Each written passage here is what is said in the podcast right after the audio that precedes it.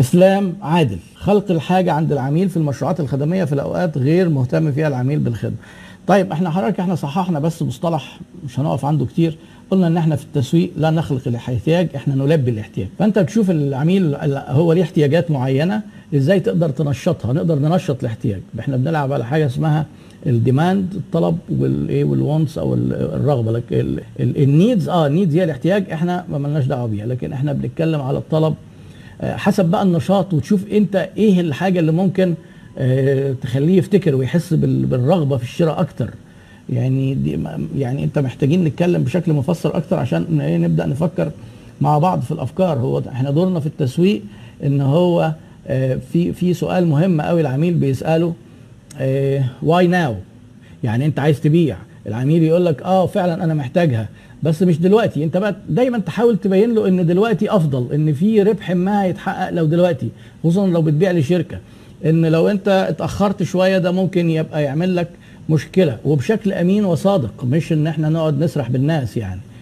وهل الصح إن أمنع الأجل تماما؟ الأخ أحمد بيسأل. حاول قدر الإمكان تمنع الأجل تماما.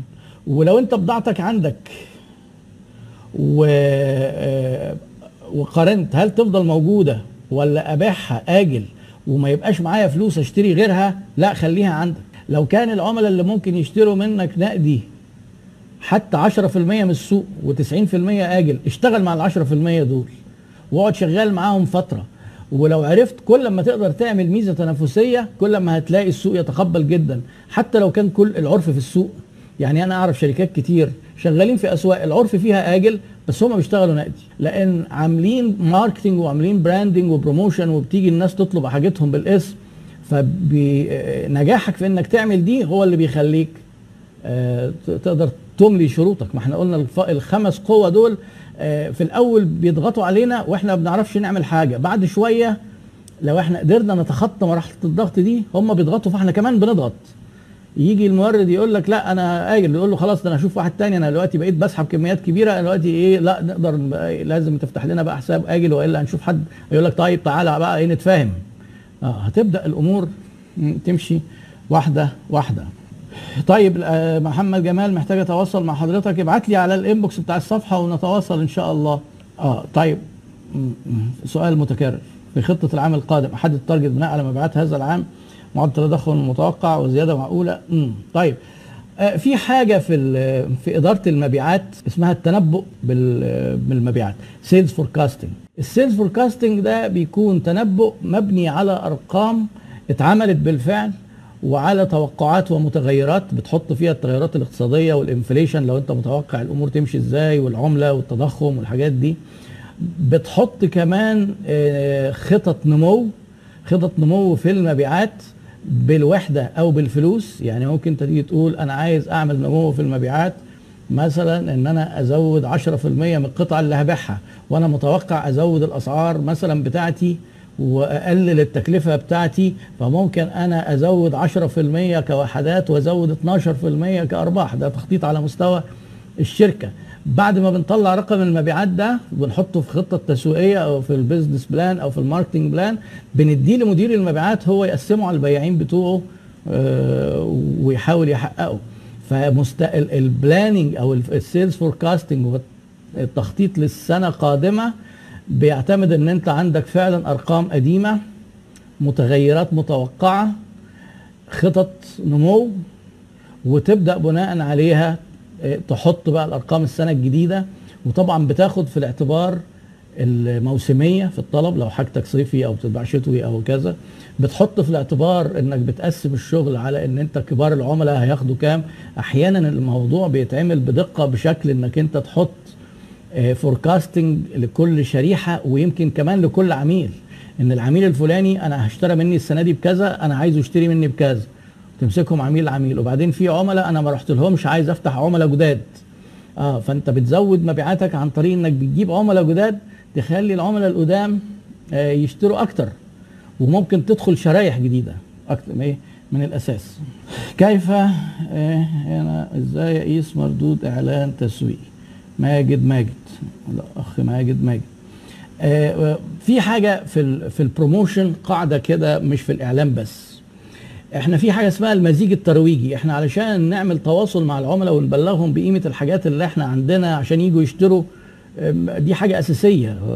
لو حضرتك ما عملتهاش وانت عندك منتجات رائعة ومحدش عارف عنها حاجة محدش هيجي. حضرتك بت... بتقيس الكلام ده إزاي؟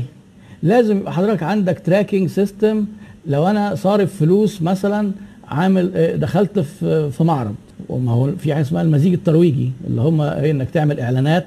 إنك تعمل آه، خصومات وعروض إنك تشارك في فعاليات سواء معارض أو مناسبات رياضية أو اجتماعية أو كده.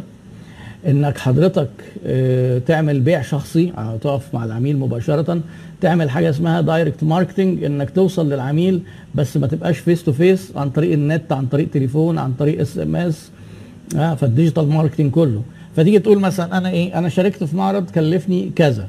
جاب لي كذا عميل فالعميل كلفني كذا. أهو دي إيه؟ measurement أهو. اتصرفت على ال social media مبلغ كذا آه جاب لي كذا عميل والعميل كلفني كذا. فممكن تقارن اللي صرفته بعدد العملاء. لو حطيت اللي فوق المبلغ اللي صرفته وتحت عدد العملاء دي حاجة اسمها customer acquisition cost بيختصروها CAC C A C في أنشطة آه، بيبقى ال customer acquisition cost عالي. يعني مثلا في العقارات ممكن مثلا عميل يكلفهم 10 15 ألف جنيه. لو انت حضرتك بتبيع حاجات رخيصة ب 200 300 جنيه ممكن ال customer acquisition cost أو ال CAC تتكلف مثلا 10 15 جنيه. آه، باستمرار هدفنا دايما نقلل الرقم ده. مش هنعرف نحسبه غير لما نعرف صرفنا كام في السكة دي وجالنا منها كام عميل.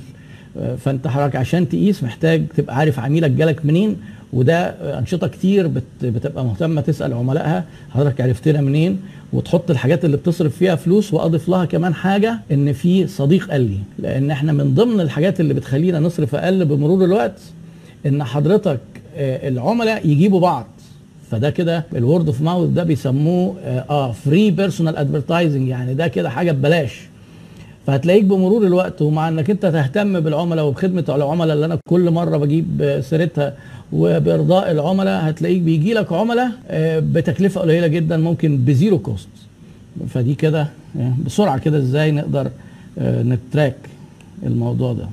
آه كان في كتاب اسمه retail management هو اسمه retailing management المؤلف بتاعه Levy Levy حاجة أو هو اسمه Levy أو حاجة Levy ومعاه اتنين تانيين. لو أنت كتبت على Amazon retailing management Levy هيطلع لك الكتاب ده. تقريبا آخر نسخة منه أو آخر طبعة آه، رقم 10 وموجود أعتقد في المكتبة الأكاديمية قدام سينما التحرير في الدقي.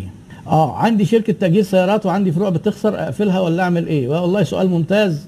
و... وأنا أشكرك كمان إن أنت قدرت تعرف إن عندك فروع بتخسر. يعني في ناس كتير بيبقوا بيمارسوا نشاط ولما بيكون عنده كذا فرع بتلاقيه اوفرول كده كسبان ما يهتمش يبص على الفروع فرع بفرع. آه، حضرتك آه، لما تيجي تقفل قرار القفل ده آه، محتاج قبلها تفكر هل مفيش إمكانية إنك تنشط وإن الفروع دي تكسب؟ وتحاول تعمل تحليل ليه المبيعات قليلة والإيرادات قليلة أو ليه المصروفات عالية وتعالج كل حاجة بسببها.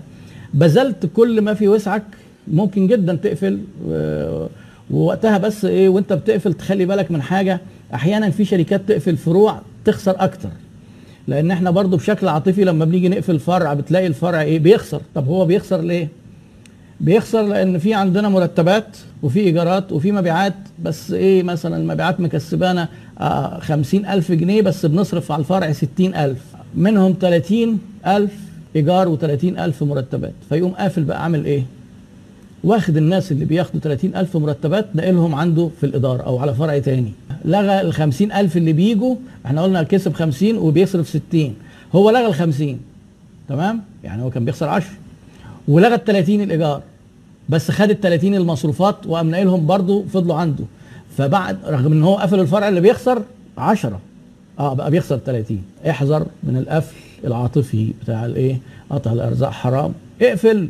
يبقى اقفل يبقى تقفل الإيراد الإيراد يتحول إلى صفر وتحول المصروفات إلى صفر. ما تحتفظش بالمصروفات وتقفل الإيرادات وإلا يبقى أنت حضرتك إيه بتزود المشكلة وأنت فاكر إن أنت حلتها وبرضه اللي أنا بقوله لكم ده بيحصل كتير.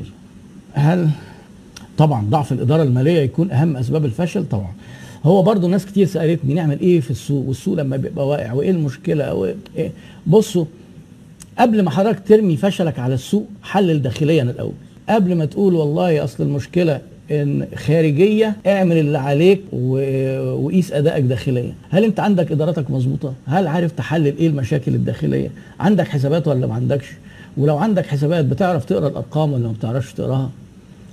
في الحسابات دي مطلعة لك مشكلة في المصروفات ولا ولا في المبيعات ولا ما هو اتحلل. لو انت ما عندكش حسابات وما عندكش أرقام ما تجيش تقول لي بقى السوق واقع واصل أنا خسرت إن السوق واقع ونعمل إيه في الأزمة المالية ونعمل إيه حالة السوق ما هو على الكل وبتاع. سيبك من الكلام والاستنباط دي إحنا عندنا ربنا خلق لنا كده في عقلنا اللاواعي شيء لو استسلمت له هيضرك جدا. التبرير بيسموها defense mechanism الإسقاط في حاجة اسمها projection آه أنا زي الفل بس السوق واقع. لا بلاش بلاش الكلام. آه ممكن يبقى السوق مريض. آه ومرض السوق لو انت مظبوط على فكرة قد يكون فرصة أفضل ما السوق يبقى شغال. لأن آه في قاعدة إن السوق لما بيمرض وبيتعب بيبقى البقاء للأفضل. حضرتك خليك من ضمن الأفضل دول. البقاء الافضل الأفضل ده بيشتغل أكتر. ليه؟ لأن بقى الضعيف بيخرج. بيخرج يعني بيسيب زباينه وبيسيب موظفينه. وقبل ما بيخرج يقعد ينازع كده ويبطل يعمل إعلانات فأنت ليك مكان. تقدر أنت تقوم واخد عملاء تاخد موظفين تقدر تكبر market share لو ظابط نفسك. طب الأقوى في إيه؟ البقاء الأقوى في إيه؟ آه تكون قوي تسويقيا عندك قيمة للعملاء. الدراسات لقت إن من ضمن الحاجات اللي بتخلي الناس تعيش في الأزمات ولاء العملاء. العميل بيتعامل معاك حتى لو سعرك زاد شوية. ما دام هو مستريح لك وأنت بترضيه? رضا العملاء. فأنت الأقوى في تسويقيا وجزء من التسويق رضا العملاء. الأقوى ماليا طبعا وعندك ريزيرف وما بتقعدش تاخد الفلوس تصرفها وتصيف بيها وتجيب بيها ما أعرفش إيه. والأقوى اداريا اداريا وماليا وتسويقيا. يعني هو ده اللي ممكن يخليك تتخطى الأزمات. لكن ما تقعدش تيجي تقول أنا كانت من ضمن ال 20 خرافة اللي أنا كنت عامل فيديوهات عليهم وأنصحكم تشوفوهم لو ما كنتوش شفتوهم خرافة إن السوق واقع اللي هي بنرميها دايما آه واحد أنا أصلا أنا اشتغلت وخسرت أصل السوق كان واقع وما ساعدنيش وتلاقي عنده كل بلاوي الإدارة جوه الشركة وهو ما يعرفش أو يعرف وسايبها ويقول للناس أصل السوق واقع. لا طبعا ده كلام مش مظبوط.